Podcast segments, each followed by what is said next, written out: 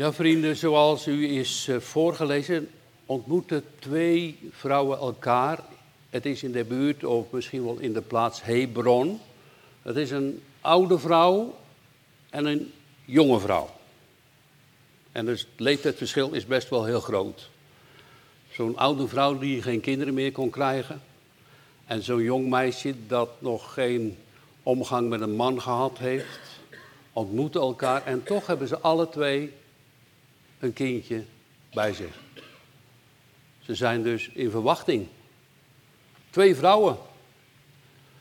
Wonderlijk. Het is ook familie van elkaar. Weet je wat ook zo heel apart is met die twee vrouwen? Ze weten al dat het een jongetje is. Ja, vandaag de dag dan hebben ze van die scans en dan kan je dat allemaal al heel snel weten. Maar toen nog niet. Maar ze weten al, de ene vrouw zeg ik, weet dat ze een jongetje krijgt en de andere weet ook al dat ze een jongetje krijgt.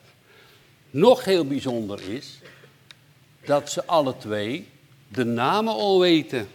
Tenminste, van die jonge vrouw, die wist het al, maar die oudere vrouw wist alleen haar man het. Zacharias. Dus de een heet Elisabeth, die getrouwd is met Zacharias. En, en hoe, hoe, hoe is dat dan gegaan? Hoe kon dat dan allemaal? Hoe zat dat allemaal? Nou, dat kwam omdat God zijn engel gestuurd heeft. Eerst naar Zacharias in de tempel. En die Zacharias die moest het offer, uh, het, het, het brandaltaaroffer in de dienst bedienen. En dan komt plotseling de engel bij hem. Een hele bijzondere engel, Gabriel.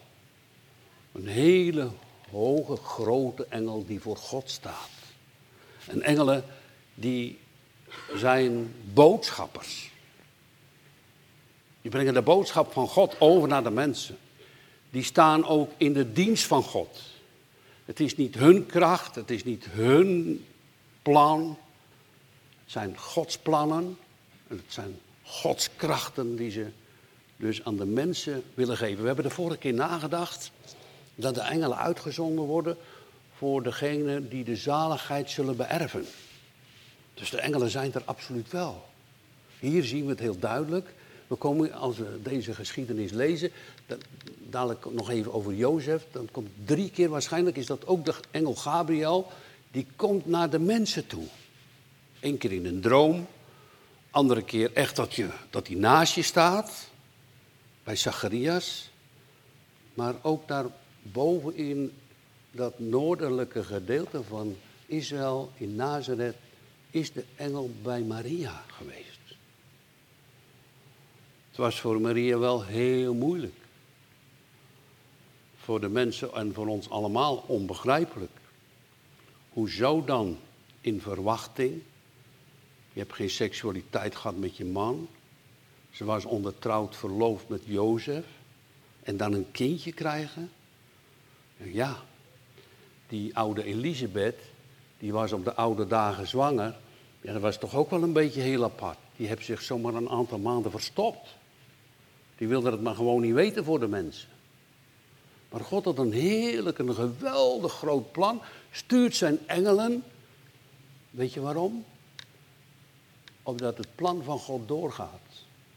Het plan van God waar dadelijk Maria over gaat juichen en gaat zingen en gaat loven en gaat prijzen dat hij een krachtig werk gedaan heeft.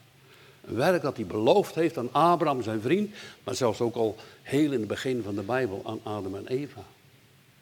Hij had al zoveel aan David, aan zijn knechten, had hij beloofd en gezegd dat de Messias komen zal. De mensen hebben daarnaar uitgezien. In die tijd van het Oude Testament kunnen wij ons niet helemaal voorstellen, hebben ze maar uitgezien naar de komst van iemand die hen zou verlossen. Die mensen waren wel gelovigen, die geloofden ook in God, maar ze hadden de Messias nog niet, dat, hij was er nog niet, zeg maar zo. Hij was nog niet gekomen, maar ze geloofden in de komende. Zoals wij geloven dat Jezus terugkomt, toch? Mogen toch geloven dat hij terugkomt op de wolken van de hemel? mogen geloven dat Hij ons niet in de steek zal laten hier op de aarde. Dat Hij ons allemaal persoonlijk kent. Dat Hij onze zorg, ons verdriet, onze, alle dingen weet Hij van ons. Ja, zegt iemand. Zou iemand die gestorven is mij ook nog kunnen zien? Nou ja, daar zijn verschillende meningen over. Maar ik weet wel dat God ons helemaal ziet in je hart en helemaal doorgrond. Hij doorgrondt en kent ons hart en weet ons zitten en ons staan. En zelfs staat er, wat ik beraad of wil betrachten, u kent van verre mijn gedachten. Zo. Kent u ons dan helemaal en gaat u dan dat mooie plan, dat goede plan van onze redding en onze, onze verlossing en onze zaligheid uitwerken? Ja, dat hebben u al gedaan in Christus en wij gedenken daaraan in deze dagen. Dus Maria, die oude, die jonge en die oude vrouw komen samen. Ze krijgen alle twee een jongetje. En dat hebben ze gehoord van de engel. En de engel Gabriel had het gezegd. En ook nog had de engel gezegd hoe ze zullen heten. De een heette Jezus. Dat betekent zaligmaker. En de andere zal Johannes, dat is Johannes de Doper genoemd worden. Maria had een hele reis gemaakt van um, Nazareth naar ongeveer in de buurt van Jeruzalem, zo naar het zuiden toe. Dat is ongeveer in de buurt van Hebron, waar Zacharia en zijn vrouw woonden. En toen daar Maria dan als het ware, ja, hoe kon dat nou hè? Zwanger, een kind krijgen, nog nooit geen seksuele omgang met een man gehad, nog nooit geen gemeenschap staat er in de Bijbel, dat is eigenlijk een heel, heel mooi woord daarvoor.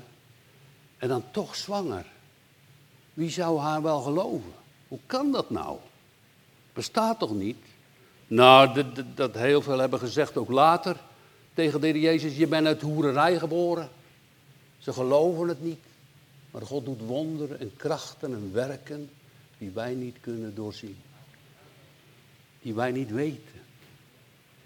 Maar wel mogen geloven, wel mogen aannemen. Neem deze geschiedenis in uw hart aan, want hier gaan we zien dat waar Maria dus mee loopt, met heel veel blijdschap wel, maar dan ook, ja, wat zullen de mensen allemaal niet van mij zeggen? En dan gaat ze maar heel snel naar de moeder, naar haar nicht Elisabeth, die ook moeder wordt. En daar ervaart ze iets van de Heilige Geest. Want plotseling als zij Elisabeth, hallo Elisabeth, begroet, springt dat kind bij Elisabeth, die is al zes maanden zwanger en Maria nog maar net. Dus is al zes maanden is al een gevormd kind. Springt dat kind in de buik omhoog. Dat is een teken dat de Heilige Geest daarbij was. En ze gaat Maria begroeten met een geweldige mooie groet. Dus uh, ik zal het u nog even lezen. En ze riep met een grote stem, Elisabeth tegen Maria, gezegend ben jij onder de vrouwen en gezegend is de vrucht van uw buik. Het is Ave Maria, zeggen ze in de Rooms-Katholieke Kerk. Wij hebben hier deze woorden. En waarom kom je naar mij toe? Je bent de moeder van de Messias. Want toen je me begroette, ik weet het, toen je mij begroette, sprong dat kind op in mijn buik. Daarom hebben sommigen ook wel gezegd, en het zal zomaar zo gebeurd zijn, dat toen in die buik van Elisabeth Johannes de Doper opnieuw geboren is geworden. Zo. Door de kracht van de Heilige Geest. Hij sprong op. Hij was nog niet helemaal volgroeid en was toch al een kind van God. Zalig is zij die geloofd heeft. Maria heeft het geloofd, heeft het aangenomen. De man van Elisabeth, Zacharia, die was in twijfel. Hij zegt, nou, ik ben al zo oud geworden. Nee, zegt God. Door de engel Gabriel. Want zo moet je het zien, hè? God spreekt door de engelen. Uw gebed is verhoord. Je gebed is verhoord. Weet je, wat mooi is als je. Hier in de kerk zijn ook mensen die bidden voor hun kinderen. Maar ja, dan soms zie je daar helemaal niks van. En dan denk je, nou, zou dat nou wel gebeuren? Maar die gebeden die zijn bij God. En het gebeurt ook vaker dat al is iemand gestorven, dat de gebeden van hem of van haar verhoord worden en die mensen toch tot geloof en bekering komen. Zelf heb je dat dan soms niet gezien, want dan ben je al gestorven. Maar God verhoort soms later de gebeden nog van zijn kinderen. Zo werkt hij dat uit. Dat is hier ook heel lang hebben Elisabeth en Zacharia oh God geef ons toch een kind. Het was een schande ook, hè, als je daar geen kinderen kon krijgen. Het was daar in Israël helemaal een schande. Nou, dan had je wel een soort vloek over je. Nee, maar God die verhoort op het laatst wonderlijk het gebed van Zacharias en Elisabeth. En die oude Zacharias wil dat helemaal niet geloven. En hij wil een teken hebben. Nou, u kent het misschien het verhaal ook wel. En als dat dan allemaal zo uitgesproken is door Elisabeth, dan gaat eigenlijk ook Maria roepen door de Heilige Geest. Maria gaat God lof prijzen, aanbidden, danken, loven. Laten we nog even terugkijken naar de moeilijke situatie van Maria. Ja, ze was wel, wij zouden zeggen, een soort verloofd met Jozef. Maar ja, die dacht bij zich, dat kan u lezen in het boek van de Matthäus. Hè? Die dacht bij zichzelf, nou, mijn vrouw die is gaan hoereren met een ander. Ze is zwanger. En ik ga het stilletjes vandoor. Ik maak daar maar niet te veel te schande. Eh, weet je, dat het zelfs zo had kunnen zijn dat ze in Israël gestenigd had kunnen worden. Want uh, ze is op hoererij gegrepen en gestenigd naar de wetten van Mozes. Het was mijn vrouw, ik was met haar ondertrouwd. Nou, stenigt haar maar, want ze is in verwachting. Nee, zo is het niet gegaan. Uh, Maria, dat is heel wonderlijk en zouden wij dat ook maar veel meer kunnen doen. Hè? Die heeft alles in het vertrouwen bij God overgegeven. Die is niet gaan redeneren met Jozef.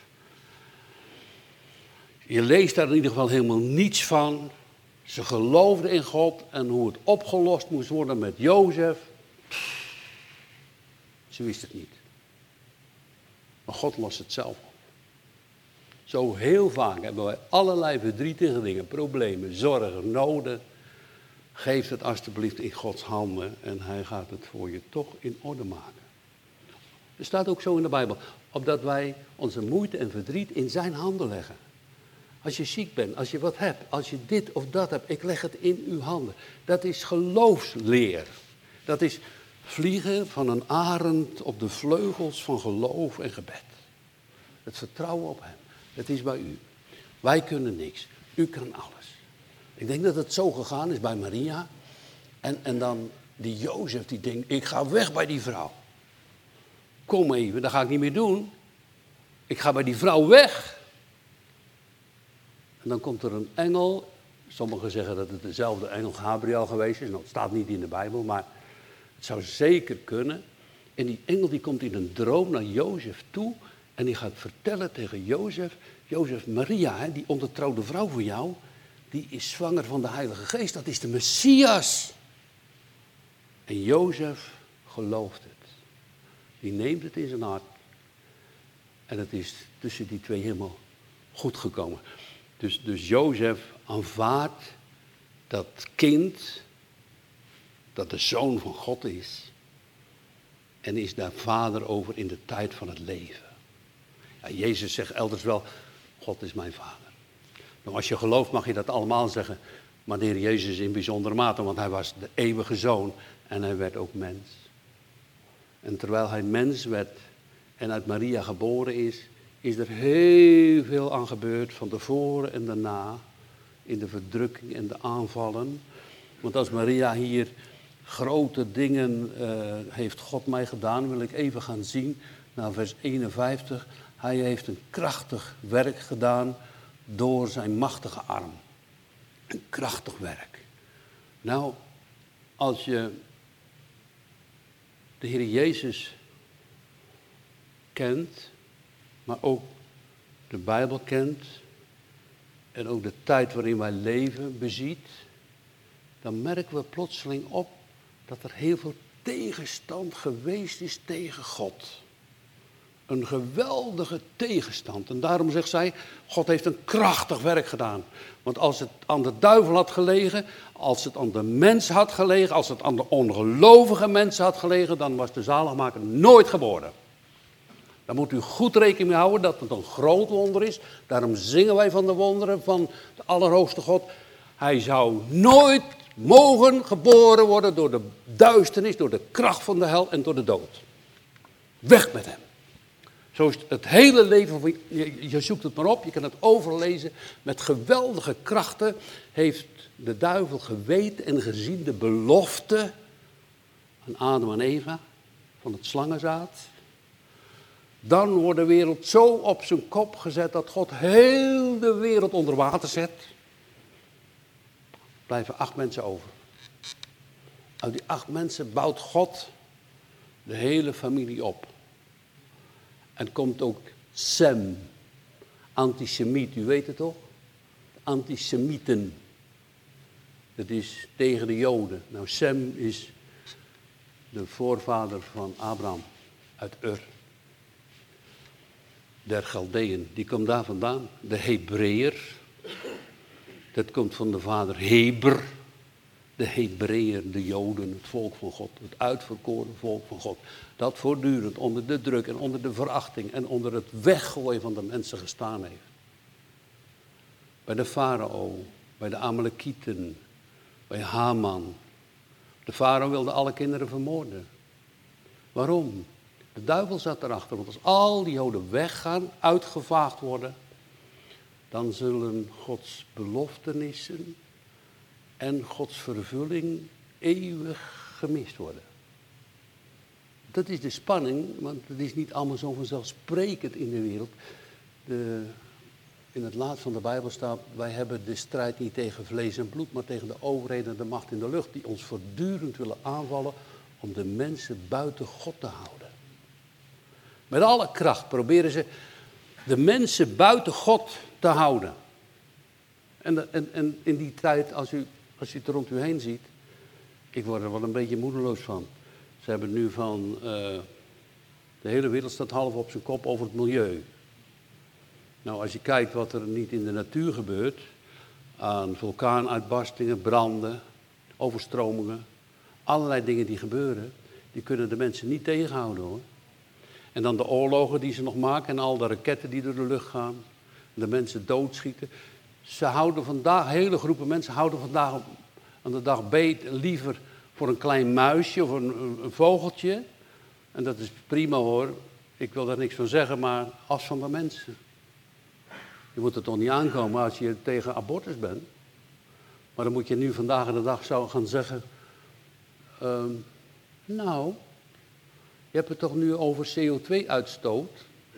Zullen we dan niet zeggen, als je twee of drie honden hebt, neem er dan één. Dat is ook uitstoot, toch? Die honden allemaal. Als je dat gaat zeggen, nou, dan, dan is de wereld te klein.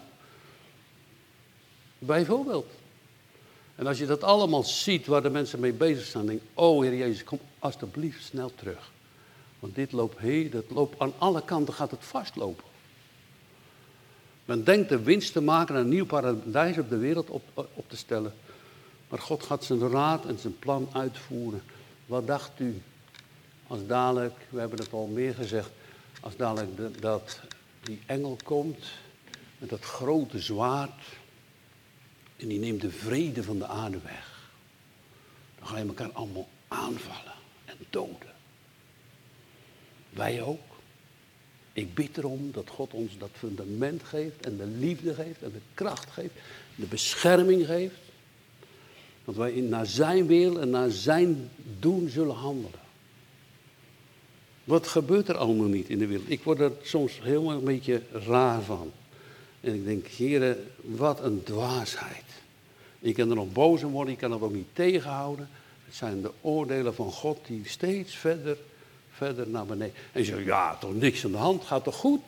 We mogen nog in vrijheid leven, we hebben nog kleding, dit. Maar als je het allemaal ziet wat er over heel de wereld gebeurt, ook met het Joodse volk. O God, erbarmt u over ons. Hij heeft een krachtig werk gedaan in voortijden dat Jezus geboren zal worden. Het gaat echt gebeuren dat hij ook terugkomt. Hij komt terug. En ik wil heel graag dat wij allemaal hem zullen ontmoeten met olie in de lampen. Dat je hem brandend, met een brandende lamp mag zien. Waar Maria over gejuicht heeft. Hij heeft een krachtig werk gedaan. Een grote wonder heeft hij verricht. Ze gaat hem lofprijzen. En dat is nog helemaal nog niet eh, in orde met haar man. Hè? Dus die druk van, van mensen ligt er nog bovenop. Maar ze prijst hem, want Elisabeth die geeft een getuigenis door de Heilige Geest. Dat het echt van God ook is. Het is geen twijfel meer mogelijk.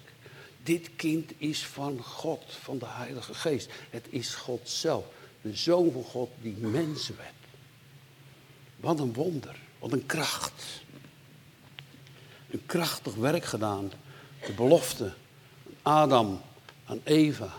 En dan die geweldige tegenstanders in de wereld. Hoe hebben mensen het kunnen doen?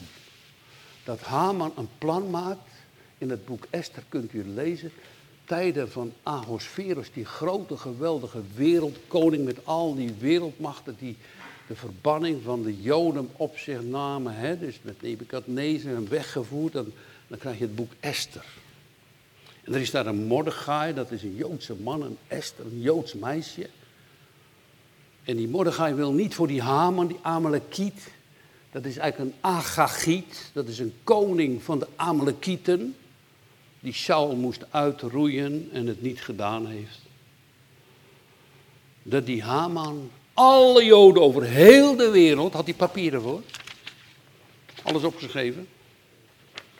Dat is een beetje hetzelfde als de holocaust. Roma's weg, uh, Joden weg, allemaal vermoord.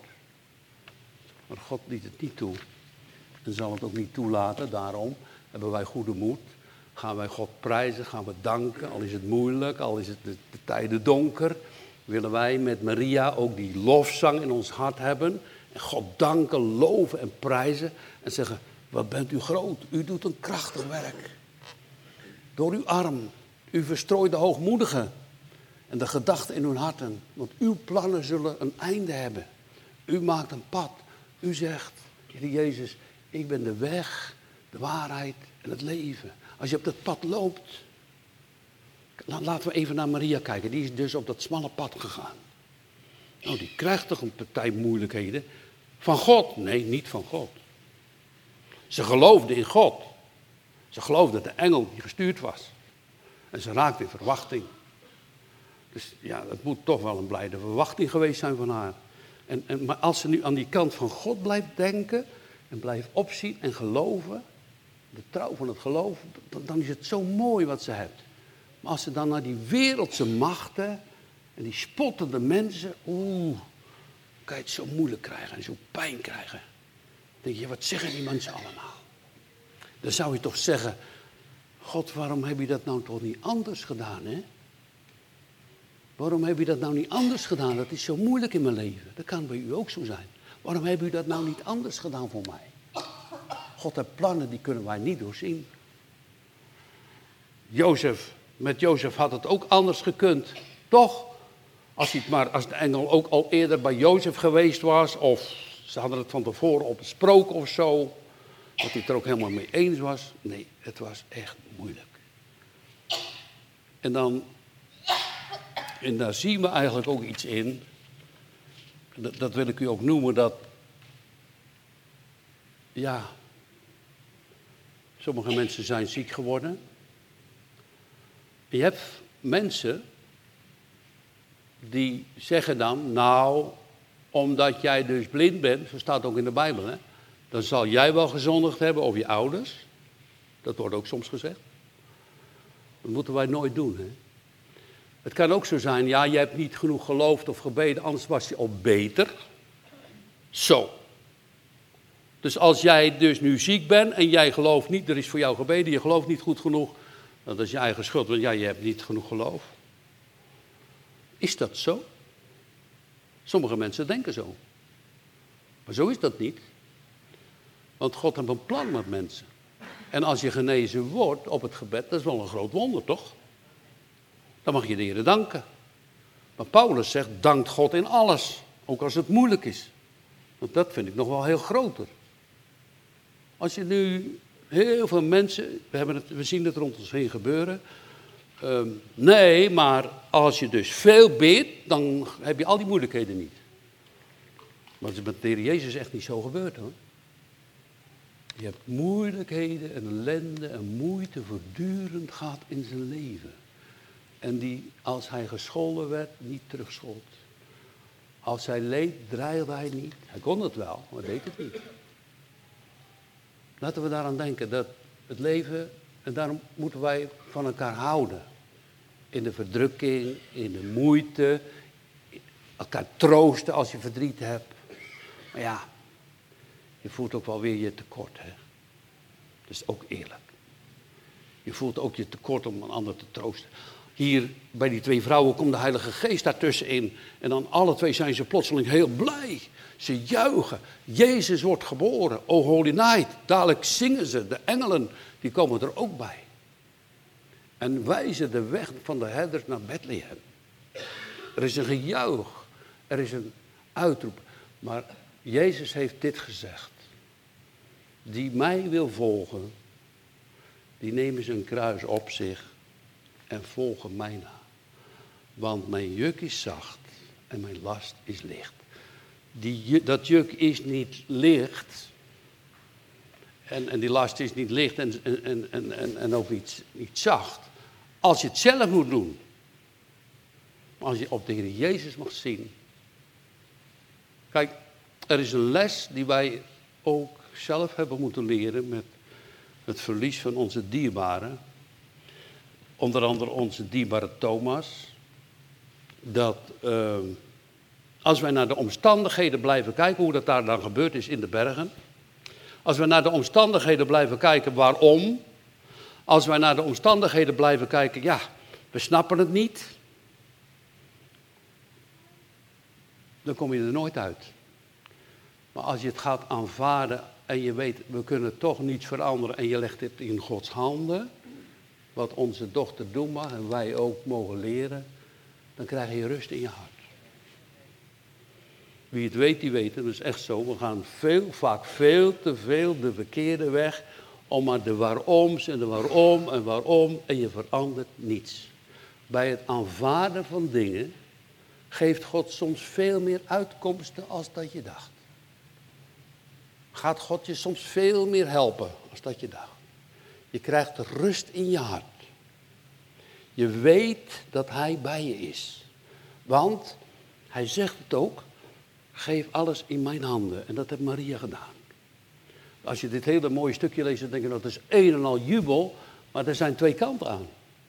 Dus ook heel veel vijandschap van de wereld. En ja, wat zullen de mensen van me zeggen? Zie Dat soort dingen. En nu, en nu te leren om al die dingen in Gods hand te leggen. En dan uit te roepen. En je kijkt omhoog. En je mag geloven. Wacht. Hij heeft een krachtig werk gedaan. Dit is beloofd. Maria, die heeft dus dat Oude Testament gekend. Van Abraham, van David, van Adam en Eva, van Noach. Ze gaat het herhalen. Machtige heeft hij van de troon afgetrokken. Nederig heeft hij verhoogd. Hongeren heeft hij met goederen vervuld. En rijken heeft hij leeg weggezonden. Hij heeft Israël zijn knecht opgenomen omdat hij gedachtig waren de barmhartigheid. Nou, nog even voor, voor ons dit. De Heer Jezus is opgevaren naar de hemel die tegenstand en die tegenstanders van mensen en van demonen en van duivelen, die zijn niet weg.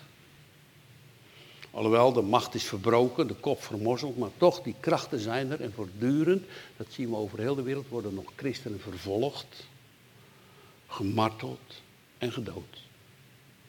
Kinderen van God. Waarom? Soms begrijpen we het niet.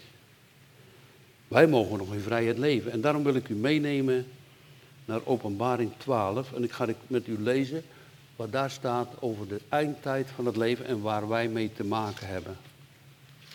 Hoe dat gegaan is. Dat de Heer Jezus opgenomen is in de hemel. En dan lees ik Openbaring 12, vanaf vers 12 voor u. Hierom bedrijft vreugde, gij hemel, en u die daar woont. Wee voor de mensen die op de aarde en in de, bij de zee wonen. Want de duivel is tot u afgekomen en heeft een grote toren, wetende dat hij een kleine tijd heeft. We zijn in de eindtijd en de duivel die heeft een kleine tijd, dus die gooit alles in de war. En toen de draak zag dat hij op de aarde geworpen was, zo heeft hij de vrouw vervolgd die het mannetje gebaard had. En hier zie je dus dat waar Jezus opgevaren is naar de hemel, niemand zal hem ooit nog kunnen beschadigen, alhoewel de mensen nog wel voortdurend vervloeken. Hè. De grote vloeken Jezus Christus, die gaan maar door in de wereld. Maar hij is niet te beschadigen, nooit meer, maar dan de gemeente op aarde. Daar gaat het om. Die tegenstanders. En de vrouw zijn gegeven twee vleugelen.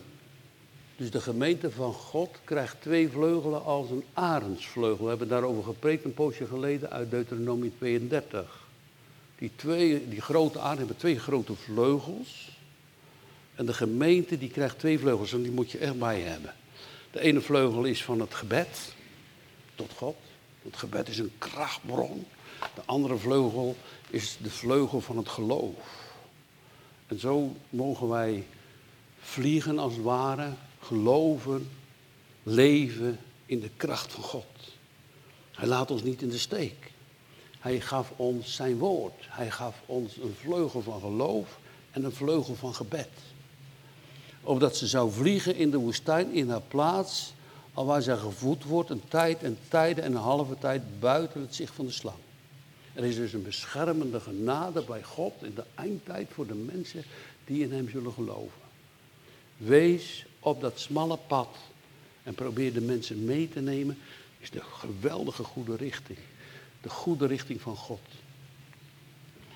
Nou, en de slang die wierp uit haar mond achter de vrouw water als een rivier. Dus heel veel rotzooi, hè, zou je zeggen. Opdat hij haar door de rivier zou doen wegvoeren. Maar de aarde kwam de vrouw te hulp en de aarde opende haar mond en die verzwolg de rivier welke de draak uit zijn mond had geworpen. En de draak vergrimde op de vrouw en ging heen om krijg te voeren tegen de overigen van haar zaad, die de geboden Gods bewaren en de getuigenis van Jezus Christus hebben. In Johannes zegt, ik stond aan de zee.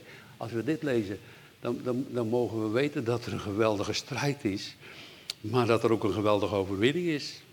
Want die in zijn naam gelooft en op hem hoopt. Die dit hele stuk, als je dit leest. Poeh, nou, dat, dat, dat is toch. Maar hier begint het mee hierom bedrijf vreugde. Wees blij. Prijs God. Looft zijn naam. En daarom wil ik u zeggen, mensen. Laten we een ander niet oordelen. Weet je wat de schrift zegt? Dat je jezelf oordeelt. Wie zichzelf oordeelt, die krijgt genade bij God. Maar als wij een ander zitten te oordelen, ja, jij dit en jij dat. Je oordeelt een ander over de doop. Of je oordeelt een ander over een ziekte. Of je oordeelt een ander over dat hij foute dingen doet. Wat zijn wij voor mensen dat we dat zo gemakkelijk kunnen doen? Niet alleen u, maar ik ook. Zullen we ons daar ook niet van moeten bekeren? En dat we dan ook ik, heb, ik ben opgevoed met de psalmen, dat weet u. Maar dat is dus heel een, mooi psalmpje, een kort psalmpje. Dat je dan zegt, waar liefde woont, zo met elkaar, gebied de Heer zijn zegen. Daar woont hij zelf. Daar wordt zijn heil verkregen. En het leven tot in eeuwigheid. Nou, die oude Arend die weet het ook. Die heeft het ook geleerd. Ja, ik ken dat uit zijn hoofd, van vroeger nog, ja. Dat is mooi, hè? Dus dat, maar goed, je mag allerlei liederen en psalmen zingen, maar dat is zo geweldig mooi. Dat heeft, ook een doel, weet je. Uh, ik stel voor, we zijn bijna aan het eind van het jaar. We hebben heel veel foute dingen gedaan. En ik stel voor dat we onze zonde beleiden voor de Heer Jezus, zo gezamenlijk. En gaat u dan maar eens bedenken wat. Laat ik maar bij mijn eigen kijken. Dan kijk u naar uzelf. En dan, dat we dan ook zullen bidden samen. Dat we al die zorgen die we hebben. Kijk, je zal wel zeggen, ja maar ik heb toch niet, het is toch niet fout om maar een beetje aan te blijven tobben met allerlei dingen? Nou, dat is de vraag. Dat is de vraag. Ik heb u net gezegd dat we het in Gods hand moeten geven. Dat is geloofstaal. Wat er ook maar gebeurt. Of het goed slaat of slecht gaat, ik geef het in uw handen. Dat is een zegen. Dat is een verlossing. Laten we eerst onze zonde beleiden in het gebed. Laten we vragen dat we al die dingen in zijn handen mogen leggen. We bidden. Vader, aan het eind van de dienst, maar ook aan het eind van dit jaar bijna, komen wij tot u in de kerk en willen we gemeenschappelijk onze zonde beleiden, Heer. De een hoeft niet boven de ander te staan en de een hoeft niet de ander te verwijten, maar dat we naar onszelf mogen zien. En vragen u om vergeving van al onze zonden. En dat u ons de genade die u beloofd heeft en zegt ook in uw woord door Christus Jezus in ons hart geeft. Door de Heilige Geest, opdat we blij mogen zijn dat u gekomen bent, Jezus Christus, de zaligmaker en ons reinigt van alle zonden. Zo vaak zitten al die kanalen van ons leven verstopt. En dan wordt het een hele vieze boel. Die, dat levende water kan niet door ons hart stromen. Zoals je dan een verstopt toilet hebt en je trekt hem door en stroomt al die bagger over het toilet heen en het wordt een vieze rommel. O God, wil u de kanalen openmaken, opdat wij dat levende water van u mogen ontvangen. Geef dat ieder zijn zorgen, ook voor morgen, maar ook lerend in de volgende tijd, in uw handen mogen geven. Want u bent onze koning, u bent onze grote verlosser, u bent geboren uit Maria, u bent de koning der koningen, u deed een krachtig werk, u bent de Messias, de levende God die wij aanbieden waarvoor wij willen knielen. In uw naam gaf u alles wat we nodig hebben. We danken u daarvoor, Heer. Zegenen ieder van ons.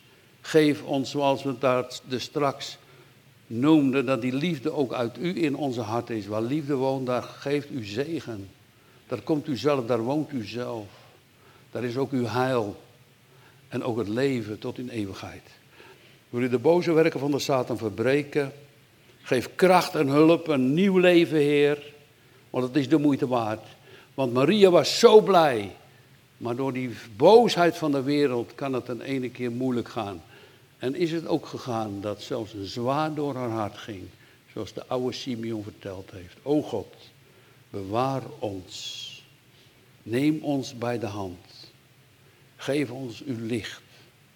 Dat uw woord een lamp is voor onze voet Wees met ons, heren, want u bent onze koning. Geef dat de gemeente hier door mag gaan door uw liefde en door uw trouw en dat het uw gemeente is.